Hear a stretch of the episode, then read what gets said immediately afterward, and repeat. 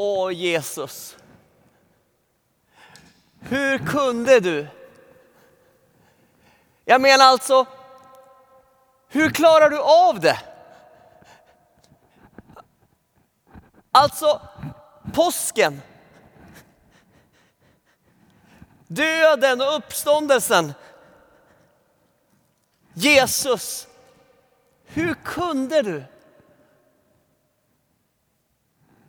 Jesus, jag tänker på hur du red in i Jerusalem på din lånade åsna. Ja, efter att människorna hyllat dig där och du gråtit över dem. Efter att du förbannat fikonträdet men profiterat om framtiden. Ja, varje påskdag förundras vi över dig Jesus. Vi förstår inte riktigt hur du kunde, men ja, du bara älskar som ingen annan älskar. Jesus, så renar du templet dagen efter du undervisat där. Och genom de onda rådslag som smids runt dig på, på onsdagen så instiftar du sen nattvarden på torsdagen. Ja, efter att du blivit pressad likt en oliv blir pressad i en olivpress. Pressades du Jesus i Getsemane. Och natten till fredag blir du ställd inför överste prästen Hannas. Anklagad och slagen, ställd inför stora rådet tigandes. Och du svarar bara på en fråga Jesus. Den om du är Messias.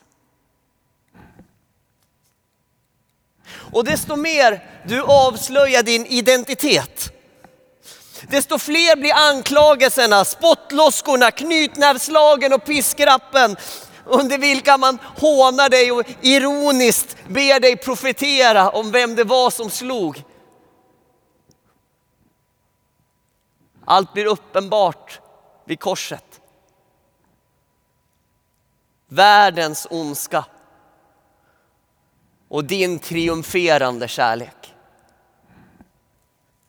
Jesus, hur kunde du? Jesus, jag skulle vilja fråga på påskdagen, hur kunde du bekänna din identitet för de högsta i Jerusalem? När Petrus utanför på borggården inte ens för de lägsta i Jerusalem kunde säga att han kände dig. Och hur kunde du Jesus gå med på att utlämnas till Pilatus? Fast du visste ju att han hade makt att korsfästa dig. Vilket varken överste prästerna eller Sanhedrin, det stora rådet, hade. Och Jesus, så kysser du Judas. Delar bägare med honom och troligtvis tvättar du också hans fötter. Han som var en i lärjungagruppen. Och Jesus, hur kunde du stå ut med Herodes hån? Jag menar, Pilatus han kände ju i varje fall viss medömkan för dig.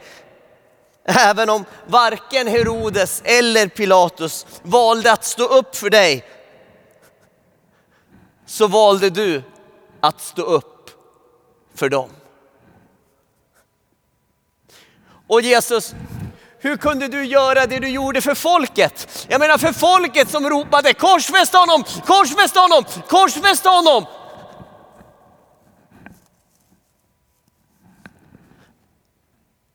Hur kunde du frivilligt ta emot gisslingen inför korsfästelsen? Men inte bara den lättare pryglingen fastigatio som var förödmjukande för en tjuv eller så. Utan Jesus verbatio, den piskan med blytyngder. Som historikerna omskriver som den rysliga piskan. Den som fläker sönder en mans rygg på fyra till fem rapp. Och så ställer du dig där frivilligt och tar emot 39.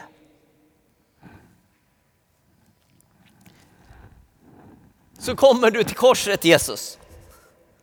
Hur kunde du välja korset? Detta fysiskt oerhörda lidande som romarna till och med självmant valde bort år 315 ungefär efter Kristus. Eftersom de ansåg att det var för ohumant, för grymt. Och så Jesus, det ännu svårare lidande, det psykiska lidandet där du överges, sviks och utlämnas. Och det omätbara andliga lidandet när du bär världens synd på dina axlar och du ropar ut Eli, Eli, lema sabachthani.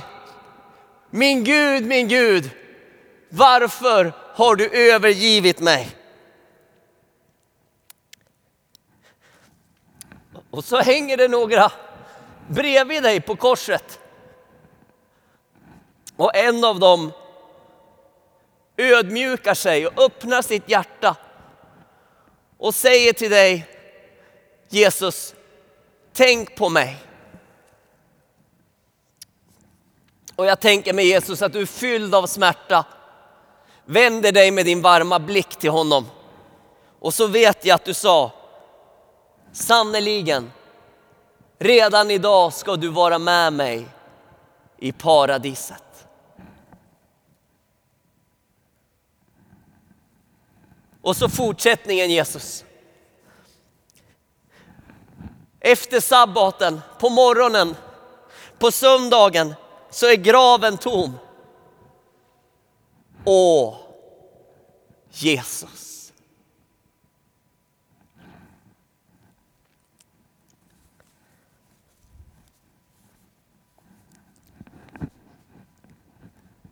Jesus, varje påskdag vill vi förundras över dig.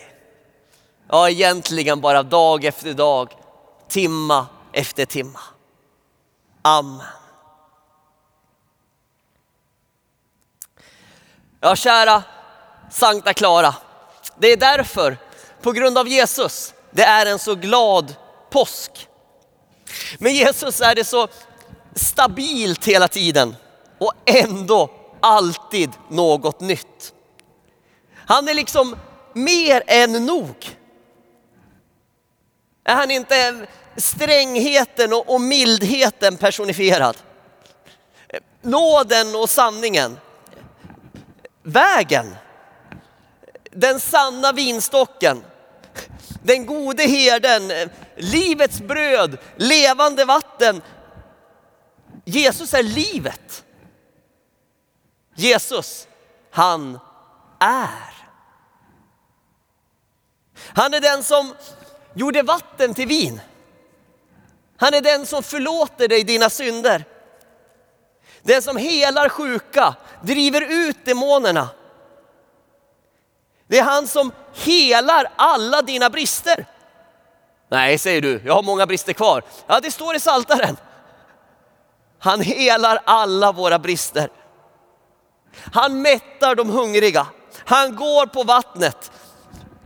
Vill du att jag fortsätter? Kanske predikan blir för lång. I honom samverkar allt till det bästa. I honom sammanfattas allting.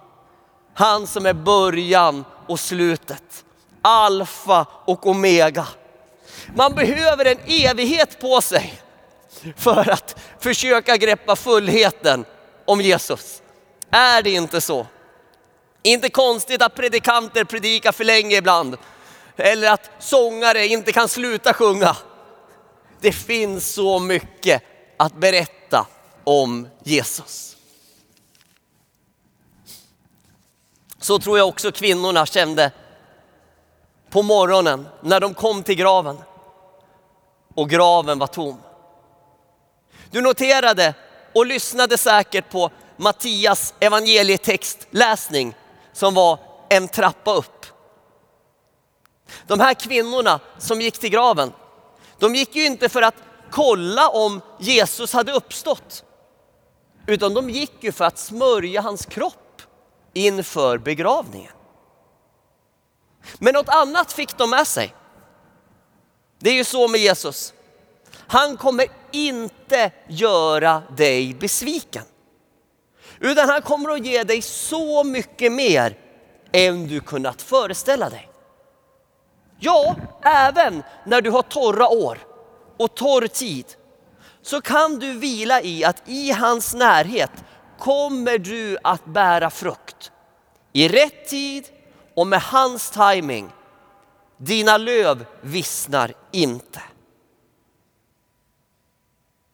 Ja, kan du bevisa detta då Mats? Kanske du säger. Ja, kan jag bevisa detta? Jag kan berätta att eh,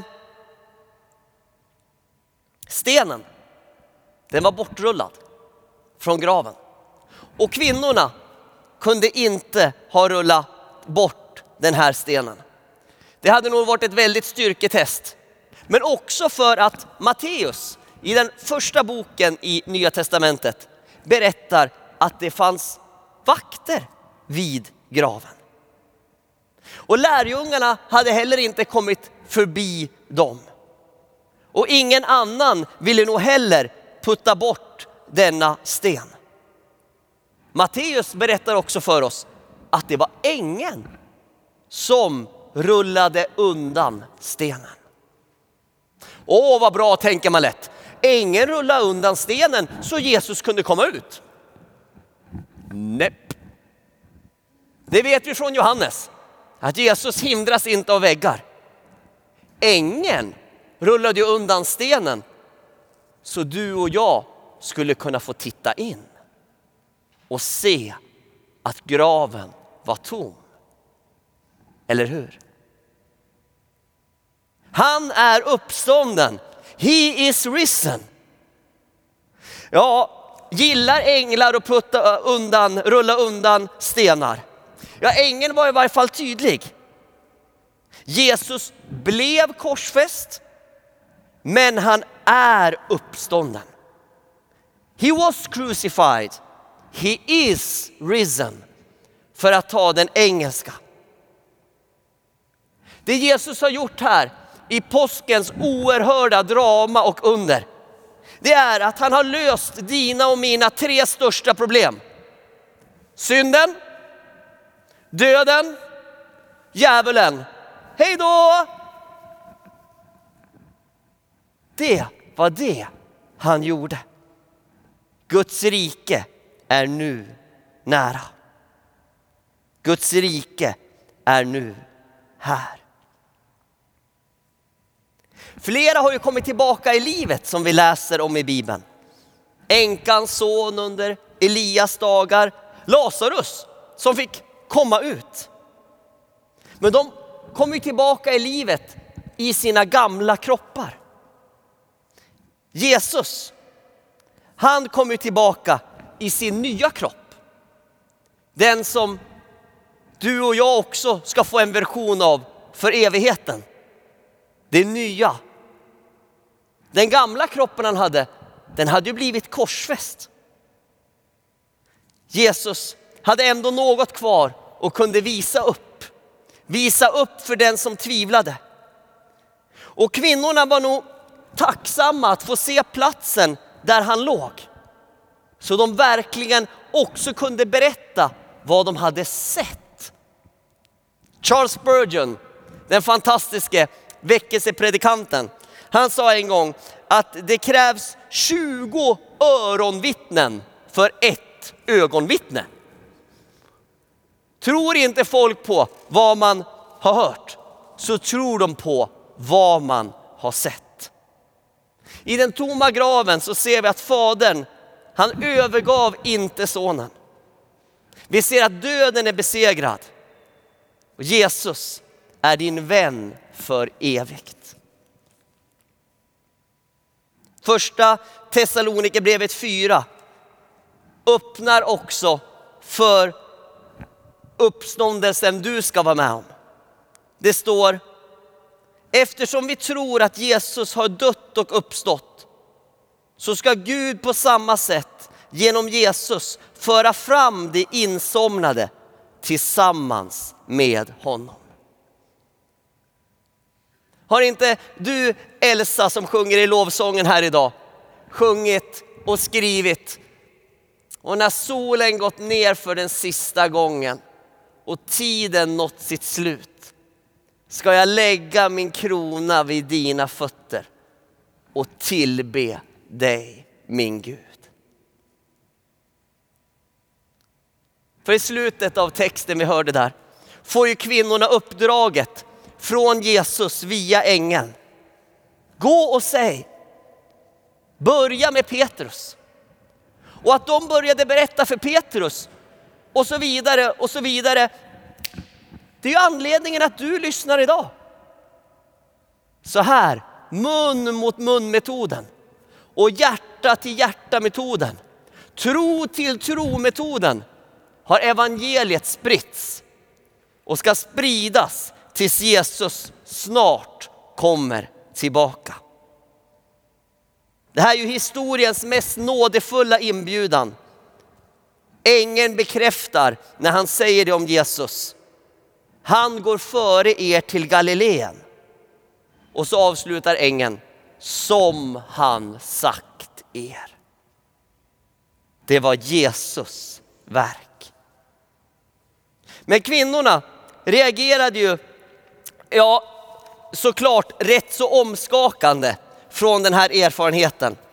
Det står att de lämnade graven och sprang därifrån darrande och utom sig. Och de sa inget till någon för de var rädda. Jag läste, jag som inte är någon expert på grekiskan. Jag läste att det ordet här, darrande och utom sig, översätts i, i grekiskan med ecstasy. De kände ecstasy. Och om du som tittar på påskdagsmässan idag från Sankta Clara har fått livet förstört, kanske av ecstasy, av den drogen, så finns det en väg ur det till en sann ecstasy. Den över Jesus uppståndelse. Nyheten om Jesus är den som skulle kunna vara på nyhetssändningarna överallt i hela världen. Låt oss inte längre stå ut med att människor inte har hört om Jesus. Men kanske du säger, är det inte viktigt att prata om andra saker? Om, om omsorg och, och människovärde och vänskap och många andra saker. Jo, det är viktigt. Och allt det blir så mycket lättare med Jesus som etta. Alla relationer tjänar på att ha Jesus som etta. Varje led tjänar på att han är Herre. Så fall nu ner med mig, du som vill, och invig köksgolvet, vardagsrumsgolvet eller kafégolvet. Fall ner en halv minut med mig på påskdagen och tacka den uppståndne. Åh Jesus, nu har jag försökt med många ord att tacka dig. Men orden räcker liksom inte till. Du är sannerligen uppstånden. Du är vår framtid och vårt hopp. Så vi bara säger det med den här enkla överlåtelsen och bönen. Och den som böjer knä för dig, kanske för första gången idag, ge också den mod att mejla till Sankta Clara eller ringa en kristen vän och berätta att idag tog också jag emot Jesus. Amen.